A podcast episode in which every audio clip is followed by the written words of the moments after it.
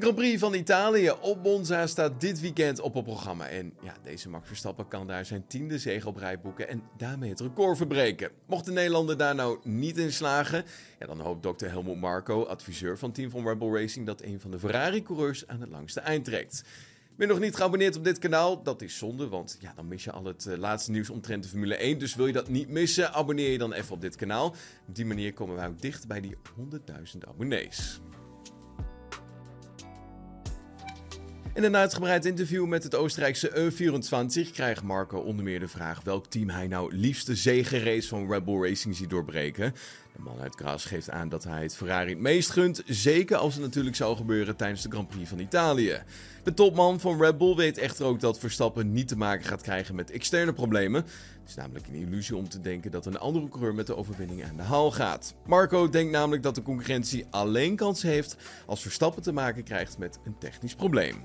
Nou, goed moment om te schakelen naar de plek waar het allemaal gaat gebeuren dit weekend. Italië. Jan, goedemorgen. Jij loopt uh, weer voor ons dit hele weekend in het paddock. Gisteren kwam het grote nieuws naar buiten omtrent de verlenging van Russell en Hamilton bij het team van Mercedes in de Formule 1.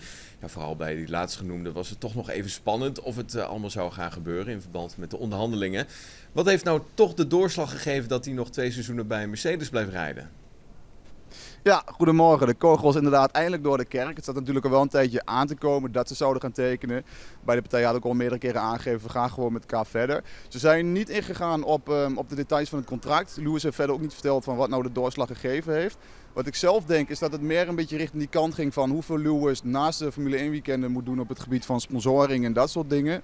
Mercedes betaalt natuurlijk niet alleen voor de rijkunsten van Lewis, maar ook voor ja, hem als persoon. Ik bedoel, als je als sponsor zijnde een concert organiseert, ik zeg maar wat, en je kunt zeggen dat Lewis daar aanwezig is, dan is het natuurlijk in no time uitverkocht. Dus dat is, uh, speelt een grote rol. Ik denk zelf dat het daar een beetje in die hoek zat, maar daar hebben ze niks over gezegd. Hij zei wel, ik ben gewoon nog niet klaar, ik ben nog steeds hongerig. Ik geloof erin dat we weer uh, mijn overwinningen en kampioenschappen kunnen vechten. Dus ja, ik blijf nog even hangen. Hoe was de sfeer daar omtrent dat gesprek? Had jij het gevoel van, nou, dit zijn echt zijn laatste twee jaren die hij ingaat? Of uh, was dat helemaal niet uh, aan de orde? Ja, is niet echt aan de orde geweest. Ik denk dat het ook een beetje van afhangt wat Mercedes de komende twee jaar doet. De, de, vergelijking met um, Fernando Alonso werd natuurlijk gemaakt. Die is nu 42 uit mijn hoofd. Daar had Lewis heel veel respect voor. Lewis is uit mijn hoofd 38. Pin me er niet helemaal op vast.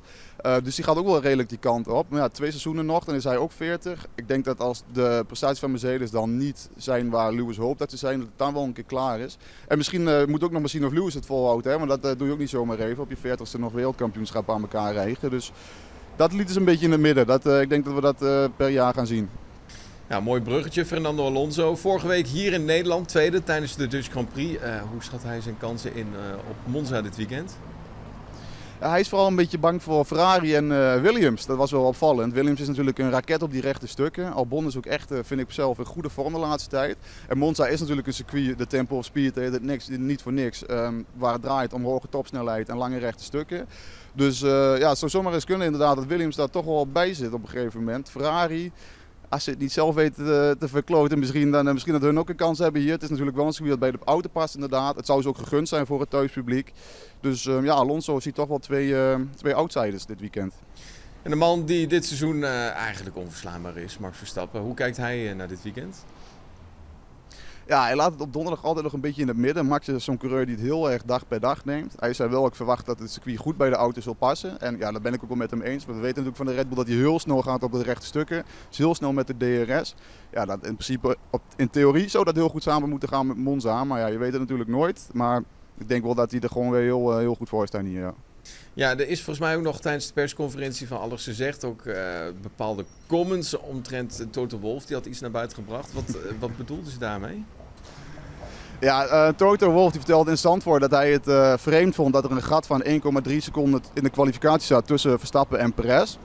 Uh, Wolf zei daarna in datzelfde gesprek van Max is heel goed in het bouwen van een auto om zich heen waar hij heel snel mee is. Maar het heel moeilijk is om te besturen. Maar als je weet hoe dat moet, dan ga je er echt als een raket mee. Dus eigenlijk was het een soort verkapt compliment.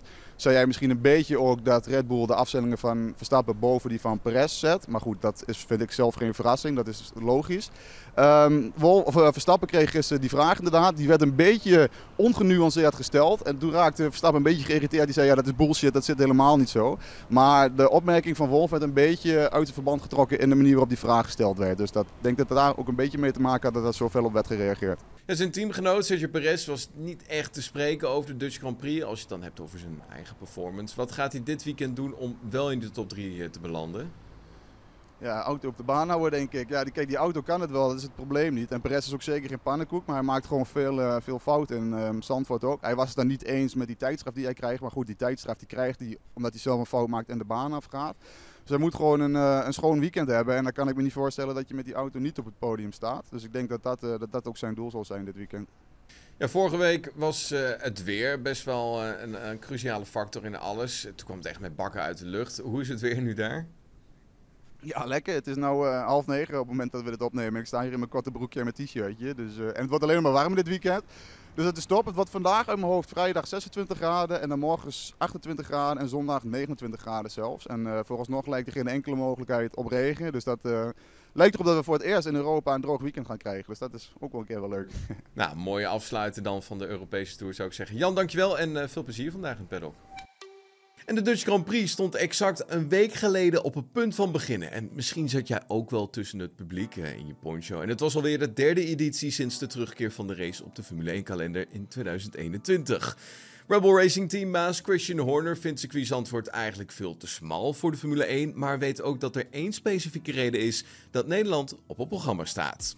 De race staat op de kalender vanwege één reden en dat is vanwege Max en het effect dat hij heeft gehad. Als je hier komt en de sfeer ziet en voelt, dan weet je dat het een fenomenaal evenement is. De sfeer is zeker uniek en de organisatie doet het geweldig. Het is een lastig circuit en het is eigenlijk misschien wel te smal voor de Formule 1. Maar goed, dat is Monaco ook. Het is een uitdaging en ik heb het gevoel dat de coureurs het leuk vinden. Al dus Christian Horner. Ja, goed moment om nog even het tijdenschema met jullie door te nemen. De eerste vrije training begint vanmiddag om half twee. En om vijf uur is het tijd voor de tweede vrije training. Morgenmiddag om half één krijgen de coureurs nog één keer de kans om de juiste afstelling te vinden voor de kwalificatie van 4 uur. De race, de Grand Prix van Italië op Monza, begint deze zondag om 3 uur in de middag. Was hem dan het GP-fans nieuws van de vrijdagochtend. Vond je dit een leuke video? Laat het even weten in de comments hieronder. En laat ook even weten wat jij verwacht van dit weekend op Monza. Dan zien we je vanmiddag weer. Tot dan. はい。